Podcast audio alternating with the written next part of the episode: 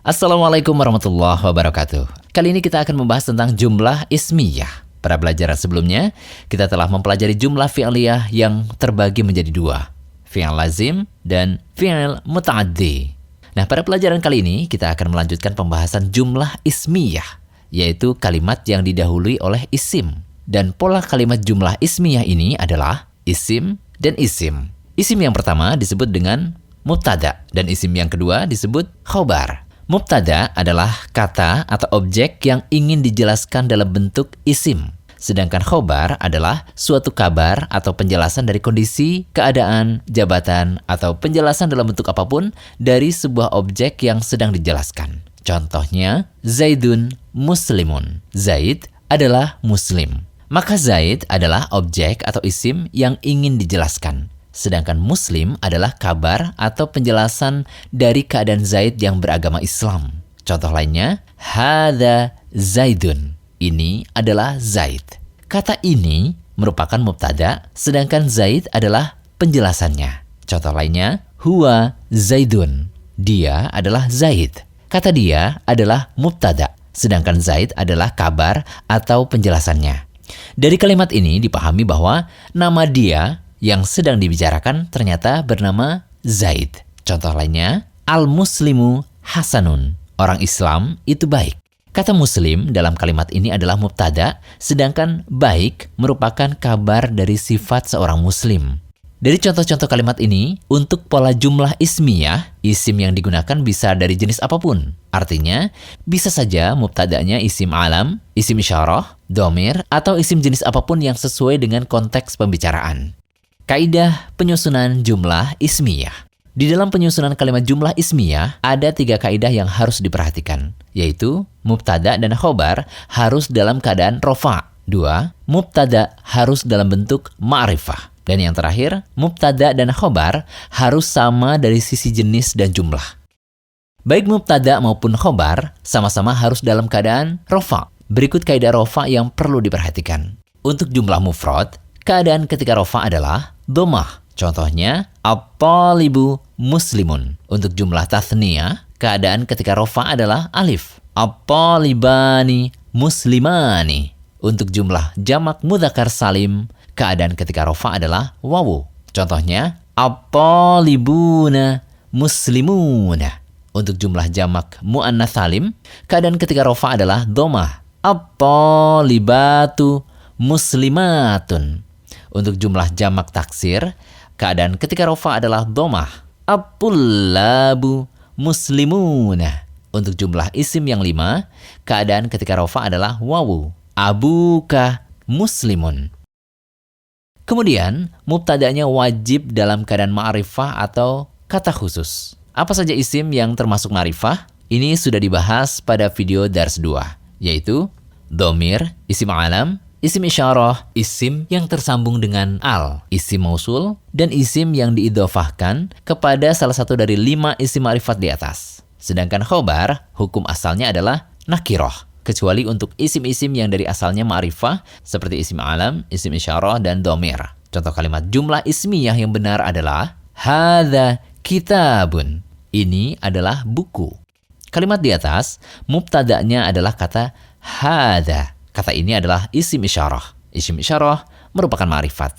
Kemudian kata kitabun adalah kabarnya. Ia adalah nakirah karena tidak diikuti imbuhan alif lam atau al sehingga memenuhi syarat jumlah isminya. Bolehkah bila kata kitabun muncul dalam keadaan marifah? Contohnya, hadza al-kitabu. Jawabannya tidak boleh.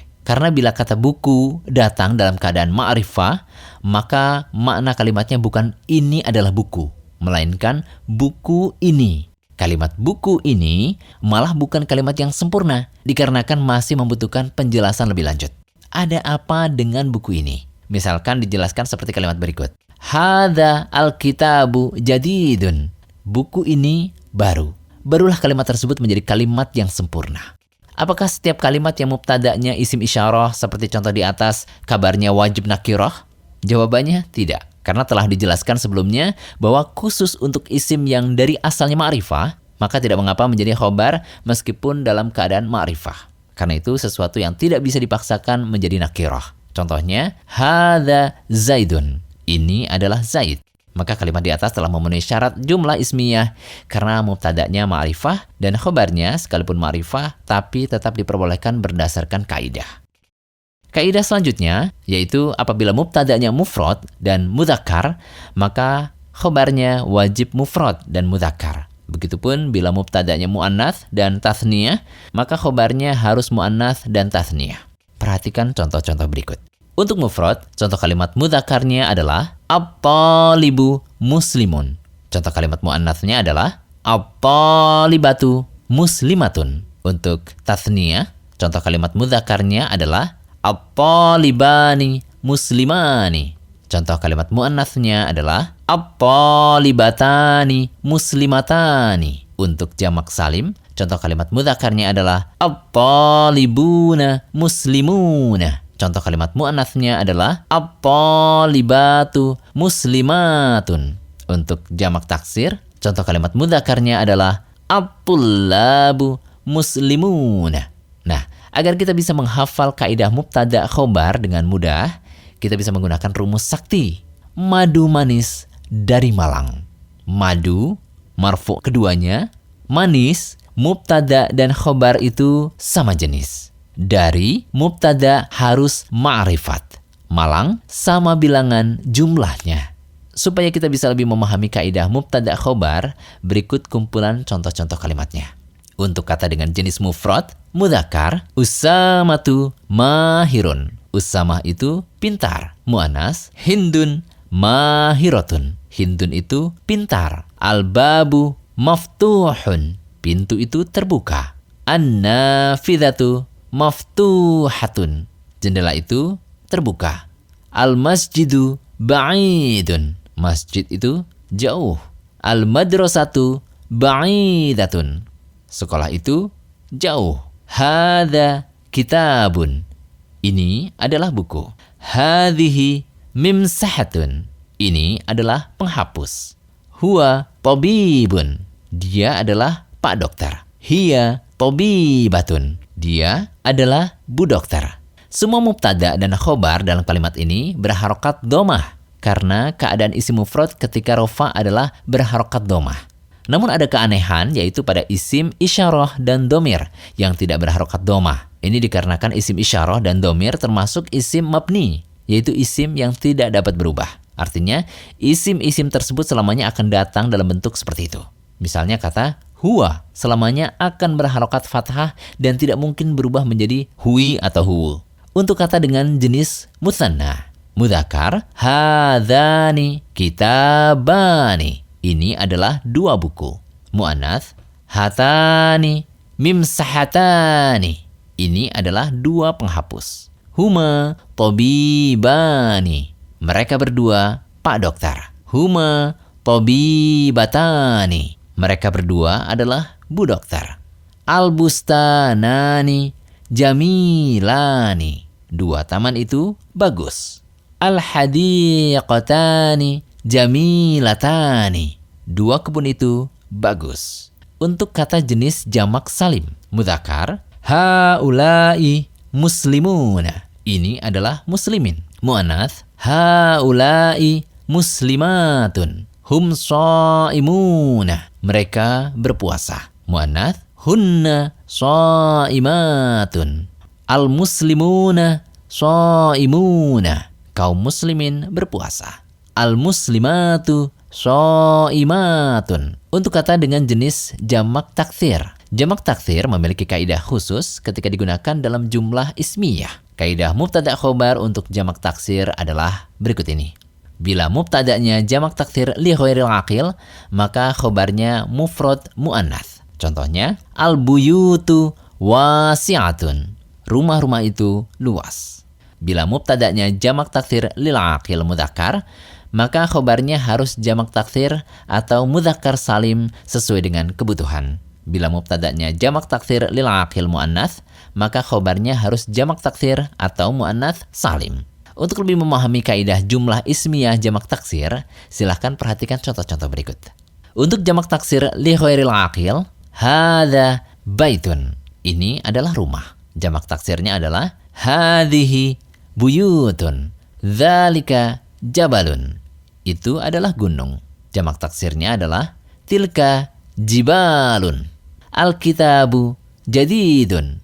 Buku itu baru. Jamak taksirnya adalah al-kutubu jadidatun. An-najmu jamilun. Bintang itu indah. Jamak taksirnya adalah an-nujumu jamilatun. Al-babu maftuhun. Pintu itu terbuka. Jamak taksirnya adalah al-abwabu maftuhatun. Perhatikan kalimat-kalimat ini ketika dalam bentuk jamak taksir. Maka semua khobarnya dalam bentuk mufrad mu'anas. Sekalipun untuk kata yang ketika tunggal dihukumi mudakar. Untuk jamak taksir lil akil dalam bentuk mudakar. Hada talibun.